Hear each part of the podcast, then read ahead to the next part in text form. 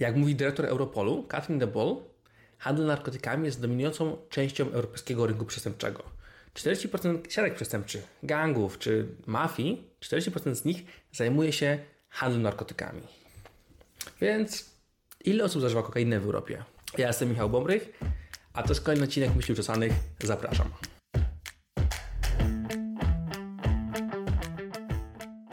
Około 3,5 miliona osób zażywało kokainę w ciągu ostatniego roku w Europie. 3,5 miliona osób to jest mniej więcej tyle, ile mieszka w Berlinie. Czy to więc przypadek, że Berlin jest europejską stolicą techno i rave'ów? Tak, ale zabawnie myśleć, że nie. Ilość osób zażywających kokainę stale w Europie rośnie, głównie w Europie Zachodniej i Południowej, ale rozszerza się to też na Europę Wschodnią. Rynek kokainy w Europie warty jest ponad 10 miliardów euro rocznie. Z roku na rok bite są rekordy tego, ile policja przechwyciła kokainy. Jej dostępność jest największa w historii, a do tego Europa tylko z odbiorcy stała się też hubem przerzutowym dla produktu z Ameryk na Bliski Wschód i do Azji. To kokaina. A co z metamfetaminą? Tutaj sytuacja jest trochę inna. Jej użycie nie stanowi aż tak dużego procenta mm, ogółu, jak na przykład w Stanach Zjednoczonych, ale to, co jest ciekawe, to to, że Europa jest producentem metamfetaminy. To, co produkujemy w Europie, jeśli chodzi o metamfetaminę, o amfetaminę, o inne narkotyki syntetyczne, nie dość, że zaspokaja wewnętrzny rynek, to jeszcze jest sprzedawane na zewnątrz. Historycznie największe użycie to Czechy i Słowacja. I też w Czechach historycznie i obecnie była największa produkcja metamfetaminy, ale raczej na małą skalę, w jakichś właśnie garażach, na poddaszach czy w kamperach jak w Breaking Bad. Produkcja na skalę przemysłową to Holandia, a głównie Belgia. Ciekawa jest kwestia ceny. Według raportów policyjnych z różnych krajów w Europie metamfetaminę można kupić za 55 euro w Darknecie. Na Cyprze dwa razy więcej, za 113 euro, ale na Węgrzech już za 13,50 euro za grama. 13,50 euro za gramę metamfetaminy na Węgrzech. Tam coś się dzieje źle. Jeszcze tylko, żeby zobrazować te wzrosty, ile narkotyków się w Europie spożywa. Jeżeli chodzi o kokainę, to między rokiem 2011 a 2021 w ciągu 10 lat spożycie kokainy wzrosło ponad czterokrotnie. 416%, żeby być dokładnym. Metamfetaminy 135%, heroiny 126%, MDMA 123% i amfetaminy o 42% w ciągu 10 lat. Ale tak dokładnie, jak wyglądają ścieżki przerzutu narkotyków? Jak one do Europy w końcu trafiają? Albo jak są rozprowadzane? Więc trzeba zacząć od tego, jak się w ogóle śledzi trasy przerzutu narkotyków. Takie teoretyczne ścieżki wyznacza się po szlaku tego, gdzie narkotyki były przechwytywane przez Straż Graniczną czy policję. Jeżeli przechwyciliśmy dużo transportów kokainy, na przykład 60% transportów kokainy do Europy przechwyciliśmy w Rotterdamie, w większości na statkach, które przypływały z Brazylii, no to rysujemy szlak, że z Brazylii do Rotterdamu jest szlak przerzutu tego narkotyku. I tak na przykład globalnie w 2019 roku przechwycono łącznie ponad 15 tysięcy ton kokainy przez policję, przez Straż Graniczną. 15% tego przechwycono w Europie. I stąd na przykład wiemy, że większość kokainy do Europy trafia drogą morską. Głównie z Brazylii, bo właśnie na statkach płynących z Brazylii przechwyciliśmy ponad 70 ton, z Ekwadoru prawie 70, czy z Kolumbii 32 tony. Ale łącznie w 2020 roku przechwyciliśmy transporty kokainy, które trafiały do Europy na statkach pochodzących z 25 krajów z Ameryk, poza Brazylią, Kolumbią czy Ekwadorem, również Kostaryka, Paragwaj, Gujana, Dominikana, Stany Zjednoczone. Puerto Rico, Colombia, Venezuela, Honduras, Guyana and still. Drugim kierunkiem przerzutu kokainy do Europy, poza bezpośrednio z Ameryk, jest Afryka Wschodnia. Przerzut z Afryki do Europy przez Madery czy przez Wyspy Kanaryjskie. Są to zdecydowanie mniejsze ilości niż bezpośrednio z krajów Ameryki Łacińskiej czy Południowej, ale przechwytywano kokainę, która miała płynąć do Europy w Beninie, w Senegalu, czy już w europejskich portach na statkach, które wypłynęły z Sierra Leone. Dalej mamy Afrykę Północną, która nie stanowiła nigdy ważnego punktu przerzutu na kokainy, a raczej dla marihuany, ale w ostatnich latach właśnie też ilość kokainy tam przechwytywanej zaczęła rosnąć. Głównie w Maroku, ale też w Libii czy Tunezji. Problem tutaj jest taki, że przemytnicy wykorzystują już istniejące szlaki, którymi zazwyczaj przemysłano marihuanę, by teraz szmuglować nimi kokainę. Ale przejdźmy do Europy. z roku na rok ilość kokainy przechwyconej w europejskich portach rośnie. Głównie w portach belgijskich, holenderskich i hiszpańskich. Tracuje się, że 70% kokainy, która trafia do Europy, trafia do nas przez te trzy kraje. Znaczące ilości są przemycane również przez porty francuskie, portugalskie, włoskie i niemieckie, ale odnotowywuje się też wzrost w mniej oczywistych kierunkach, takich jak Grecja, Bułgaria czy Polska. Są to nowe szlaki przyrzutu, tworzone, by odpowiedzieć właśnie na zapotrzebowanie, które się w Europie Wschodniej rozwija. No ale jak już znamy trasy, jak te narkotyki do Europy trafiają, to w jaki sposób się ukrywa, jak się je dokładnie szmugluje. Taką najpopularniejszą metodą jest po prostu załadowanie kokainy do kontenera. Bez wiedzy właściciela kontenera, bez wiedzy kogoś, kto powiedzmy te banany z Ekwadoru wysyła. Po prostu dorzucamy mu tam kokainę w porcie w Ekwadorze, w porcie w Antwerpii, ktoś znów ten kontener otwiera, wyjmuje te paczki z kokainą. Jeżeli w cały proceder zaangażujemy właściciela tego kontenera z bananami, jeśli on wie o tym, że będziemy przemycać w jego kontenerze kokainę, to możemy ją chować w produktach. Na przykład wziąć paczki z kokainą i zatopić je w beczkach z olejem. Czemu nie? Czasem się kombinuje tak, że się kokainę chowa w elementach strukturalnych samego kontenera, w ściankach, w elementach, które służą do chłodzenia towaru, który przewozimy. Poza tym jest cała masa wariacji zrzucania narkotyków do morza, ich przechwytywania przez motorówki, przez żaglówki. Żaglówki czy takie jachty rekreacyjne też je oczywiście przewożą, te narkotyki, bo takie łódki są rzadziej kontrolowane i polegają mniejszym restrykcjom. W końcu dochodzimy do takich hardkorowych metod, jak przyczepianie narkotyków do dna wielkich okrętów za pomocą jakichś magnesów, czy używania semi-łodzi podwodnych, które są ciężej wykrywalne do takiego nielegalnego właśnie przemytu. Jeżeli chcielibyśmy przemycać kokainę samolotami, to wykorzystuje się dosłownie wszystko.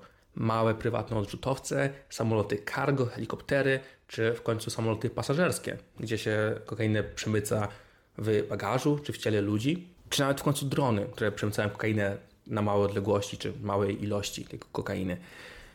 Piętą achillesową służb mm, policyjnych czy Straży Granicznej są właśnie małe prywatne odrzutowce, które po wylądowaniu, tak samo jak te żaglówki, nie podlegają tak dokładnej kontroli jak samolot pasażerski, więc dużo łatwiej nimi kokainę przemycać. I tu się możemy na chwilę od kokainy oderwać i wrócić do narkotyków syntetycznych, czyli tych, które są tworzone w laboratoriach. Nie trzeba ich do Europy przemycać, bo sami tutaj je produkujemy. Narkotyki te tworzone w laboratoriach czy garażach, przy kempingowych z reguły pierwotnie powstawały jako leki. Tak na przykład było z MDMA, czyli popularnym ekstazy, które powstało w roku 1912 w laboratorium firmy Merck. Captagon, lek przypisywany na zaburzenia koncentracji uwagi, czy fentanyl, klasyfikowany jako lek przeciwbólowy, bardzo mocny opioid, który jest spustoszenie w Stanach Zjednoczonych i którego również europejskie służby zaczęły się obawiać.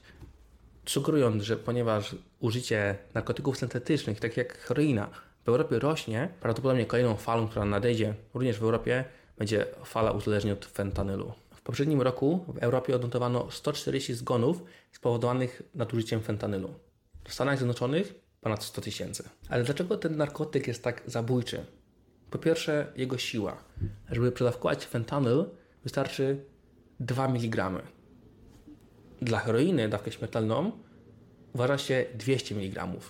Oczywiście to zależy od naszej kondycji fizycznej, od naszej wagi, ale plus minus fentanyl jest 100 razy mocniejszy od heroiny. I fentanyl, tak jak wiele narkotyków, powstał jako lek. Powstał jako bardzo silny lek przeciwbólowy i tak jest też używany legalnie przez lekarzy przypisywany. Kiedy fentanyl powstał w roku 1960, stworzył go Paul Jensen. W momencie jego powstania był to najsilniejszy opioid nam znany. I od kiedy on powstał do dzisiaj, był on używany w zasadzie w dwóch przypadkach. Podczas operacji jako lek mocno znieczulający, a przypisywany do przyjęcia był przypisany jednej bardzo wąskiej grupie pacjentów, osobom w bardzo późnym stadium rozwoju chorób nowotworowych. Tam, gdzie ból jest tak wielki, że większość normalnych opioidów, takich jak morfina, jest za słaba. Tak mocny jest to lek, takim osobom przypisywany i tylko tym ludziom powinien być przepisywany. Jak to się stało, że w Stanach Zjednoczonych umiera rocznie ponad 100 tysięcy osób z powodu przedawkowania? Jak to się stało, że Mac Miller czy Prince mieli go we krwi, gdy ich ciała znaleziono? Otóż najpierw kontrola nad tym, komu się fentanyl przypisuje w Stanach Zjednoczonych była dość słaba. Wykorzystywały to oczywiście koncerny farmaceutyczne, żeby przepisywać ten lek większej ilości osób i na tym zarabiać. W Patriot Act przełana jest historia kobiety, która cierpiała na mocne bóle pleców i szyi z powodu wypadku samochodowego. Poszła do lekarza mm, po to, żeby ten lekarz jej przypisał jakieś leki przeciwbólowe, żeby mogłaby z tego bólu fajnie funkcjonować. W gabinecie lekarskim czekał na nią poza lekarzem przedstawiciel farmaceutyczny firmy, która sprzedawała właśnie fentanyl. Przypisano jej ten fentanyl na te bóle pleców, czego robić nie powinni, bo to jest lek za mocny. I tak to właśnie w Stanach wygląda. Na schorzenia, na które się powinno przypisywać leki słabsze, dawało się najmocniejszy opioid, jaki był dostępny. Daje się wciąż. Według różnych śledztw dziennikarskich i tych prowadzonych też przez służby, ponad 55% recept jest wystawiona ludziom, którzy tego leku brać nie powinni. Co się stało z kobietą z tej, z tej historii? Półtorej roku po tym, jak te leki jej przypisano, zmarła z powodu przedawkowania. Jednak na czarnym rynku ciężko jest kupić czysty fentanyl. Z reguły jest on domieszką do, do heroiny, do kokainy, do innych narkotyków. Dlaczego? Kartele narkotykowe działają w taki sposób. Mają powiedzmy kilogram czystej heroiny. Mogli go sprzedać za mnóstwo pieniędzy, ale mogą go też wymieszać z czymkolwiek w zasadzie, z cukrem, pudrem, z cementem, z czymkolwiek i zrobić z tego 3 kg produktu. Dużo słabszego niż heroina, ale 3 kg. Teraz jeśli do tych 3 kg dorzucimy tylko troszkę fenantylu, tylko troszkę, który szacuje się, że jest od 50 do 100 razy mocniejszy od heroiny, więc naprawdę małą ilość tam dosypiemy i nagle mamy 3 kg produktu, który jest od heroiny mocniejszy. Albo tak samo mocny, ale zazwyczaj mocniejszy. Z kilograma heroiny czystej mamy 3 kg czegoś mocniejszego. Co sprzedamy za większą kasę? No, czysty zysk. Często ofiary przedawkowania nawet nie wiedziały, że zażywają fenantyl, bo jest on właśnie tą domieszką, tym zanieczyszczeniem, poza całym innym syfem, który trafia do systemu człowieka. Ludzie przedawkowywują i umierają. Brzmi to strasznie. Brzmi to strasznie i bardzo źle. Na szczęście istnieje naloxon. Lek dostępny w większości stanów bez recepty w formie sprayu do nosa, który niemalże magicznie odwraca skutki przedawkowania, ratuje ludziom życie, i wiecie, co jest tutaj straszne? Firma Insys, firma farmaceutyczna, która zbankrutowała, po tym została w sądach zniszczona, gdy im udowodniono, że dawali łapówki lekarzom, by fentanyl przypisywali częściej niż powinni, bo oczywiście oni fentanyl produkowali w różnych formach, zostali zniszczeni, ogłosili bankructwo. I Insys próbuje się teraz odbić od dna, sprzedając naloxon. Firma, która jest odpowiedzialna, współodpowiedzialna za ten kryzys uzależnień od fentanylu jednocześnie sprzedaje lek ratujący życie ludziom, którzy to przedawkowali. To jest jak, jakaś fabuła z słabego filmu klasy B, gdzie jakiś super złoczyńca, przeciwnik Bonda wymyśla właśnie lek, który uzależnia i jednocześnie na niego lekarstwo. No, masakra. I teraz mając to wszystko w pamięci, przejdźmy do ksylazinu, dość taniego narkotyku albo leku znieczulającego dla zwierząt. Spopularyzował się on w Stanach w trakcie pandemii. Powoduje wolniejsze bicie serca, obniża ciśnienie, powoduje tworzenie się bolesnych, gnijących ran. Stąd też jego nazwa narkotyk zombie. Mm, chciałem te rany Wam pokazać, ale jest to chyba, są to chyba obrazy zbyt drastyczne, więc jak ktoś ma mocniejszy żołądek, sobie wygooglujcie ksylazin rany. Jednak ksylazin sam w sobie nie jest opioidem. Dlatego dealerzy często mieszają go z innymi dragami, z kokainą, z heroiną, czy właśnie w końcu z fentanylem. W efekcie mamy ludzi, którzy zastygają w dziwnych pozach, bujają cię przód, tył, przód, tył, pokrytych okropnymi ranami, którzy, jeśli ten ksylazin dostali razem z fentanylem, w momencie, kiedy ten haj z nich zejdzie, budzą się, znaczy dochodzą do siebie już na głodzie po kolejną dawkę. I teraz najgorsza rzecz, gdy ksylazinę, która opioidem nie jest, zmieszać na przykład z tym fentanylem, który jest opioidem bardzo mocnym i śmiertelnym, to naloxina nie działa. Lek, który ratuje po przedawkowaniu fentanylu, nie działa, gdy mieszamy go z, z ksylaziną. I to jest właśnie to, co teraz zalewa Stany Zjednoczone. I może to jest jakiś cherry picking z mojej strony, może to jest mój algorytm TikToku, który mi te obrazy podsyłał, ale wpiszę sobie w Google e, właśnie fentanyl overdose czy zombie drug jest mnóstwo materiałów od BBC, rzetelnych stacji telewizyjnych, czy od zwykłych vlogerów, którzy pojechali do San Francisco i nakręcili właśnie kilka ulic, gdzie skutki tych uzależnień widać. Widziałem też nagrania z UK. Są to naprawdę wstrząsające i mocne obrazy. Europa jednak, Europa jest zawsze kilka lat za Stanami, czy to jeśli chodzi o, o muzykę, o modę, o technologię. Na szczęście też jeśli chodzi o narkotyki. Do nas fentanyl tak, w takiej skali jeszcze nie dotarł, choć europejskie służby się już zaczynają o to martwić, sugerując, że skoro ilość osób, które zażywają heroinę w Europie rośnie, to kolejną falą może być właśnie fentanyl. Na szczęście to jeszcze do nas nie dotarło. Może nie dotrze, a może nauczymy się, jak sobie z tym radzić, jak przeciwdziałać tym uzależnieniom. Tymczasem to już wszystko w dzisiejszym odcinku Myśli Uczesanych. Dzięki za słuchanie. Ja jestem Michał Bąbrych i zapraszam do kolejnego odcinka.